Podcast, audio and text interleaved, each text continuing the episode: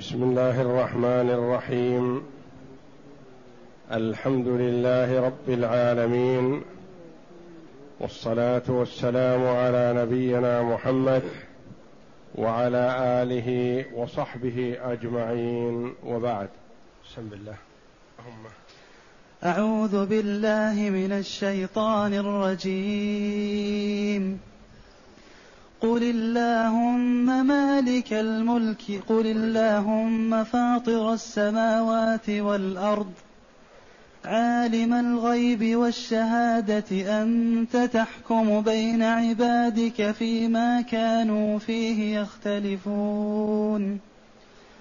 ولو ان للذين ظلموا ما في الأرض جميعا ومثله معه لافتدوا به من سوء العذاب يوم القيامة. وبدا لهم من الله ما لم يكونوا يحتسبون.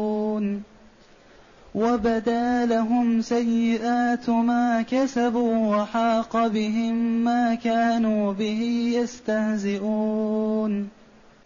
هذه الآيات الكريمة من سورة الزمر. يقول الله جل وعلا قل يا محمد قل اللهم فاطر السماوات والأرض عالم الغيب والشهادة أنت تحكم بين عبادك فيما كانوا فيه يختلفون.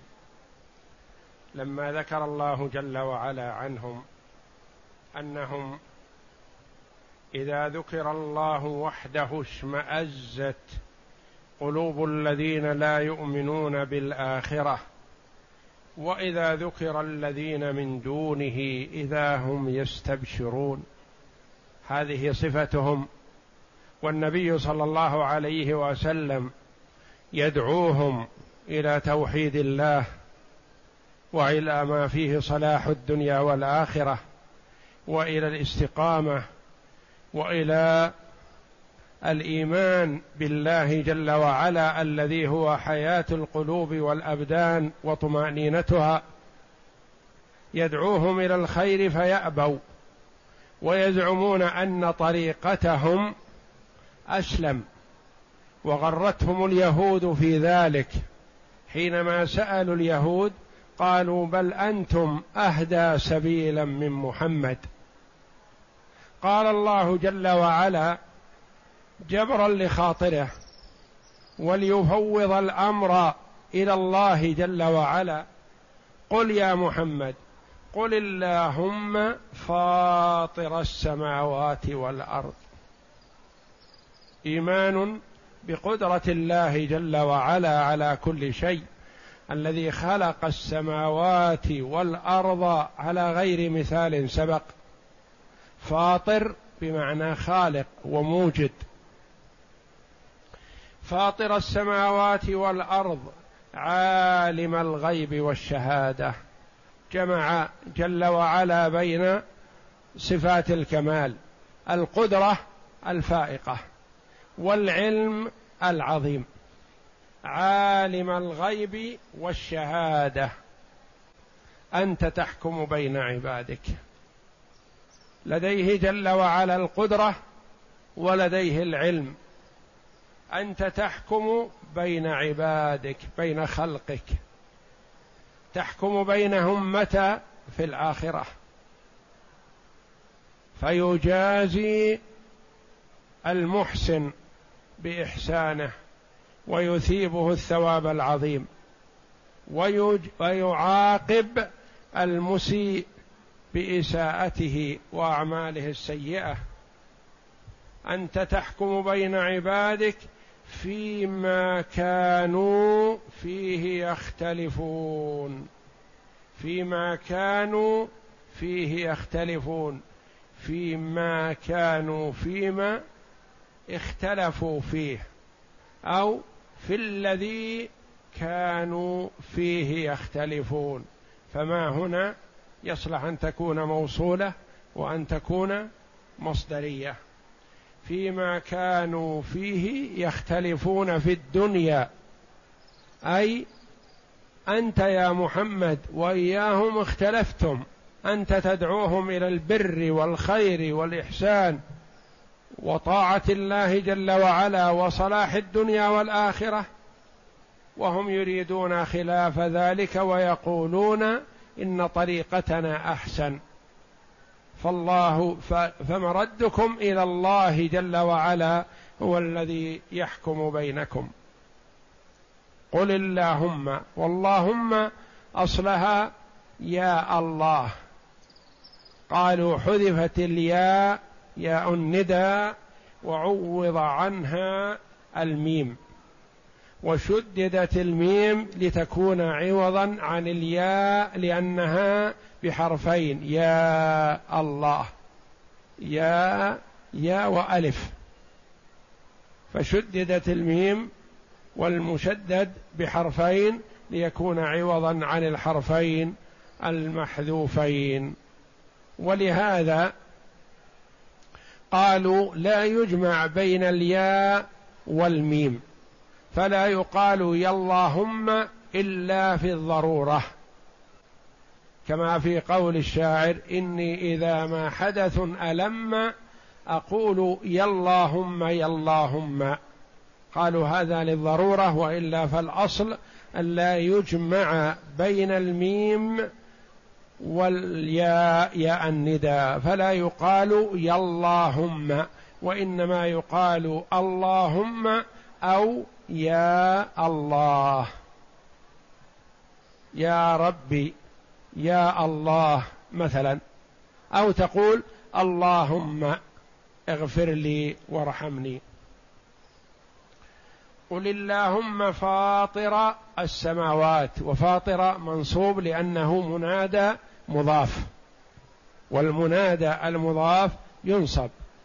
فاطر السماوات والأرض عالم كذلك مثلها عالم الغيب والشهادة والمراد بالغيب ما غاب وخفي ولم يظهر أمره للناس والشهادة الشيء الذي يشهدون عليه ويطلعون عليه يعني الشيء البين الظاهر والشيء الخفي فهو جل وعلا يعلم الغيب والشهادة. وكلاهما لديه جل سواء وعلا سواء يعلم خائنة الأعين وما تخفي الصدور. قل لا يعلم من في السماوات والأرض الغيب إلا الله. فهو جل وعلا هو عالم الغيب ولا يعلم الغيب. لا ملك مقرب ولا نبي مرسل إلا ما أطلعه الله جل وعلا عليه. فهو يطلع من شاء على ما شاء جل وعلا. قل اللهم عالم قل اللهم فاطر السماوات والأرض. خالق السماوات والأرض وموجد السماوات والأرض. عالم الغيب والشهادة. أنت تحكم بين عبادك. فالحكم إليه جل وعلا في الدار الآخرة. لا إلى غيره. سبحانه.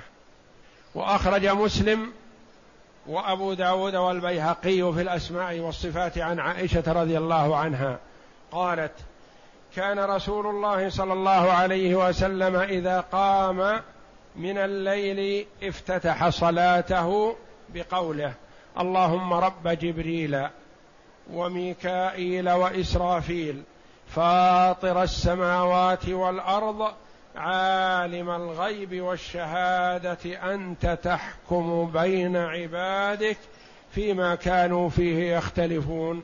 اهدني لما اختلف فيه من الحق بإذنك إنك تهدي من تشاء إلى صراط مستقيم. فهذا الحديث الوارد في الصحيح صحيح مسلم. كان النبي صلى الله عليه وسلم يستفتح صلاته من الليل بهذا الاستفتاح. فهو صلى الله عليه وسلم كان ينوع في الاستفتاح.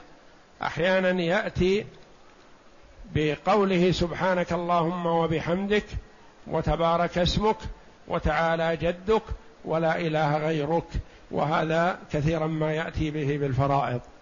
ويستفتح صلاة الليل غالبا بقوله عليه الصلاة والسلام اللهم رب جبريل وميكائيل وإسرافيل فاطر السماوات والأرض رب وفاطر وعالم كلها منصوبة لأنها منادى مضاف. اللهم رب جبريل وميكائيل وإسرافيل فاطر السماوات والأرض عالم الغيب والشهادة أنت تحكم بين عبادك فيما كانوا فيه يختلفون. اهدني لما اختلف فيه من الحق بإذنك إنك تهدي من تشاء إلى صراط مستقيم. وقد يأتي بقوله صلى الله عليه وسلم اللهم باعد بيني وبين خطاياي كما باعدت بين المشرق والمغرب اللهم نقني من خطاياي كما ينقى الثوب الأبيض من الدنس. اللهم اغسلني من خطاياي بالماء والثلج والبرد. فكل الاستفتاحات هذه واردة عنه صلى الله عليه وسلم. أنت تحكم بين عبادك فيما كانوا فيه يختلفون. يعني اختلفوا فيه في الدنيا. قالت اليهود الحق عندنا وقالت النصارى الحق عندنا وقال المشركون الحق عندنا. والنبي صلى الله عليه وسلم دعا الجميع إلى الحق الذي لا مرية ولا شك فيه. فالله جل وعلا يتولى الحكم بين عباده. ثم قال جل وعلا ولو أن للذين ظلموا ما في الأرض جميعا. الظالم الذي ظلم نفسه بأن أعطى حق الله جل وعلا لخلقه لمخلوق من خلقه. هذا أظلم الظلم. من تعدى على حقوق العباد وأخذها لنفسه أو أعطاها لغيره فذلك ظالم. لكن أظلم منه من تعدى على حق الله جل وعلا الذي هو توحيده وصرفه لغير الله صرف العبادة لغير الله فذلك أظلم الظلم. ولو أن للذين ظلموا ما في الأرض جميعا لو أن لهم كل ما في الأرض من أموال أثمان ذهب وفضة ومجوهرات وحيوانات وحدائق وبساتين وكل ما وجد في الأرض. ومثله معه. ما في الأرض مضاعف. لو على سبيل المحال لو ملكوه لتمنوا أن يفتدوا به من عذاب ذلك اليوم. لما؟ لأن العذاب شديد. ومؤلم وموجع. ولكن ما يتقبل منهم. ولو أن للذين ظلموا ما في الأرض جميعا كله من الأموال وغيرها. ومثله معه لافتدوا به. يعني لبذلوه فداء. عن العذاب الذي حل بهم. لافتدوا به من سوء العذاب يوم القيامة لأن عذاب ذلك اليوم شديد لا يطاق. وبدا لهم من الله ما لم يكونوا يحتسبون يعني ظهر لهم. ظهر لهم من فنون العذاب والعقوبة الشديدة. الشيء الذي ما كانوا يتوقعونه. فأمور الآخرة من العذاب ومن النعيم لا يتصوره الإنسان ولا يدركه عقله في الدنيا. لا يدرك مدى فظاعة عذاب النار كما لا يدرك مدى نعيم الجنة الذي أعده الله جل وعلا لأوليائه. وبدا لهم من الله ما لم يكونوا يحتسبون. يعني الشيء الذي ما كانوا يحتسبونه ولا خطر على بالهم لأنهم ما كانوا يتوقعون أن العذاب الذي سيصيبهم كذا. ولو علموا أنه كذا لأخذوا لذلك الحيطة. ولما أقحموا أنفسهم فيما لا يحل لهم. لكنهم ما كانوا يتوقعون أنهم يصلون إلى هذا النوع من العذاب المؤلم. وبدا لهم من الله ما لم يكونوا يحتسبون. قال سفيان الثوري رحمه الله ويل لأهل الرياء ويل لأهل الرياء. ويل لأهل الرياء. هذه آيتهم وقصتهم. يعني يعملون الأعمال يظنون أنهم يجدون ثوابها. أعمال عظيمة. يظنون أنهم يجدون ثوابها. وهم عملوها في الدنيا مراءات. وبدا لهم من الله ما لم يكونوا يحتسبون. وهو ما قال الله جل وعلا عنهم وقدمنا إلى ما عملوا من عمل فجعلناه هباء منثورا. وقال عكرمة بن عمار جزع محمد بن المنكدر رحمه الله عند موته جزعا شديدا فقيل له ما هذا الجزع؟ قال أخاف آية من كتاب الله تعالى. وبدا لهم من الله ما لم يكونوا يحتسبون. أخشى أن يكون عملي غير مقبول ولا قيمة له. أنا أتوقع وأظن الخير لكن أخشى أن يكون عملي مردود لسبب من الأسباب. والله جل وعلا لا يظلم عباده لكن العبد يظلم نفسه. قال مجاهد رحمه الله عملوا اعمالا توهموا أنها حسنات فإذا هي سيئات. يعمل العمل يظن أنه مثاب عليه فإذا هو معاقب عليه لسبب من الأسباب الذي أوجد الخلل في عمله. إما الرياء والسمعة وإما لأنه لم يكن على وفق سنة رسول الله صلى الله عليه وسلم وبدا لهم من الله ما لم يكونوا يحتسبون وبدا لهم سيئات ما كسبوا. ظهر لهم عقوبة أعمالهم السيئة. أعمال كسبوها عملوها من تلقاء أنفسهم كانت عقوبتها هذه العقوبة الشديدة التي ما كانوا يتوقعونها. نعم اقرأ. بسم الله الرحمن الرحيم. يقول تبارك وتعالى بعدما ذكر عن المشركين ما ذكر من المذمة لهم في حبهم الشرك ونفرتهم عن التوحيد قل اللهم فاطر السماوات والارض عالم الغيب والشهاده ايدعو انت الله وحده لا شريك له الذي خلق السماوات والارض وفطرها اي جعلها على غير مثال سبق عالم الغيب والشهاده اي السر والعلانيه أنت تحكم بين عبادك فيما كانوا فيه يختلفون. أي في دنياهم ستفصل بينهم يوم معادهم ونشورهم وقيامهم من قبورهم.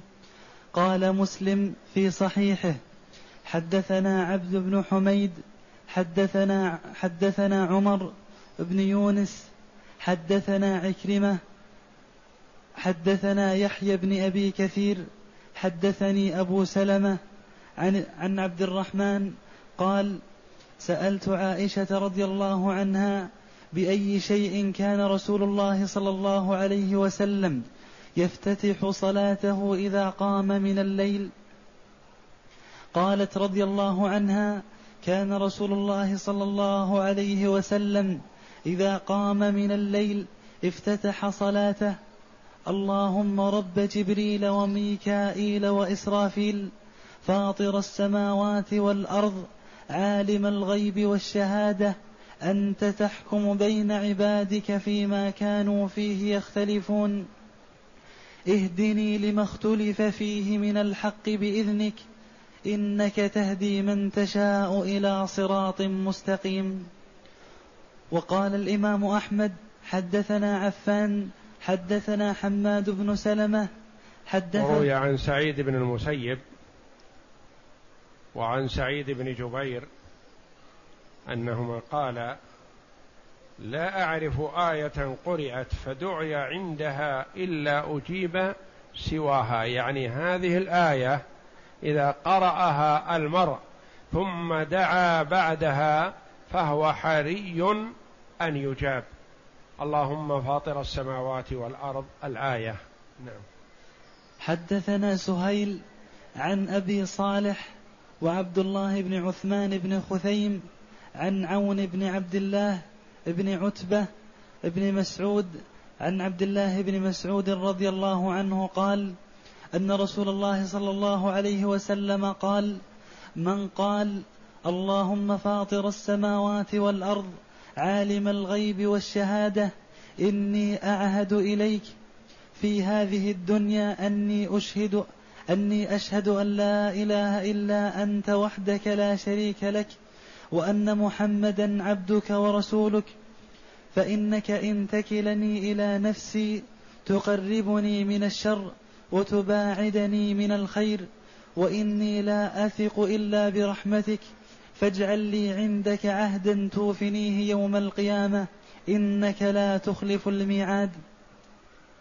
إلا قال الله عز وجل لملائكته يوم القيامة إن عبدي قد عهد إلي عهدا فأوفوه إياه فيدخله الله الجنة. قال سهيل فأخبرت القاسم ابن عبد الرحمن أن عونا أخبر بكذا وكذا فقال ما فينا جارية إلا وهي تقول هذا في خذرها انفرد به الإمام أحمد. يعني هذا الدعاء معلوم لدينا كأنه يقول معلوم لدى صغيرنا وكبيرنا ذكورنا وإناثنا. نعم.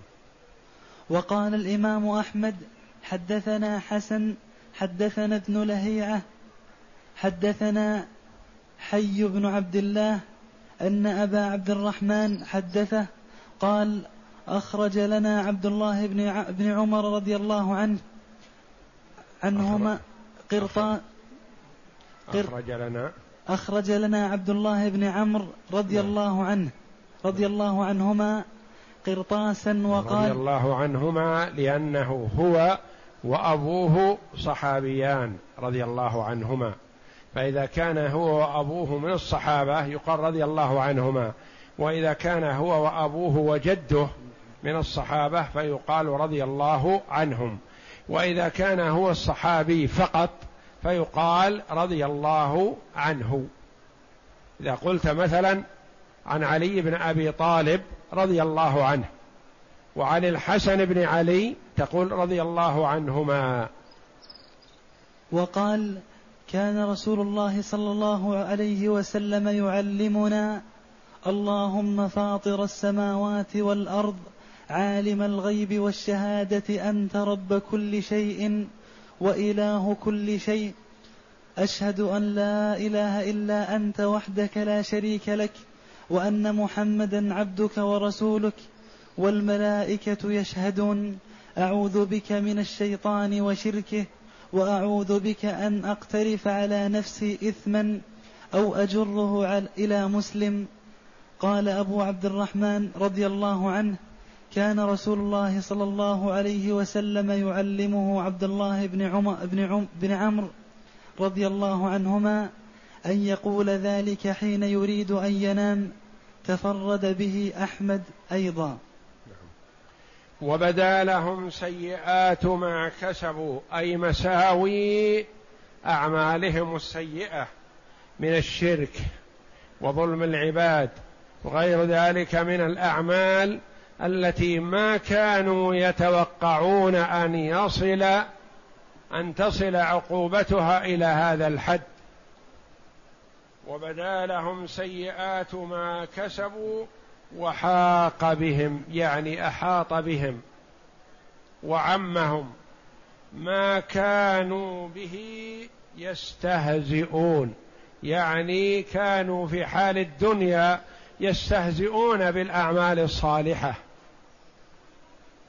فحاط بهم وعمهم العذاب الشديد لما صدر عنهم في دار الدنيا. كما قال الله جل وعلا إن الذين أجرموا كانوا من الذين آمنوا يضحكون وإذا مروا بهم يتغامزون وإذا انقلبوا إلى أهلهم انقلبوا فكهين وإذا رأوهم قالوا إن هؤلاء لضالون. يقولون هذا عن المؤمنين. فاليوم الذين آمنوا من الكفار يضحكون أي يوم القيامة.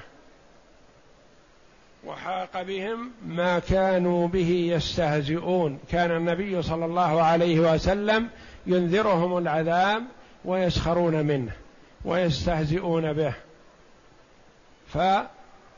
فكان استهزاؤهم في الدنيا عذابا شديدا. عليهم في الدار الآخرة. والله أعلم.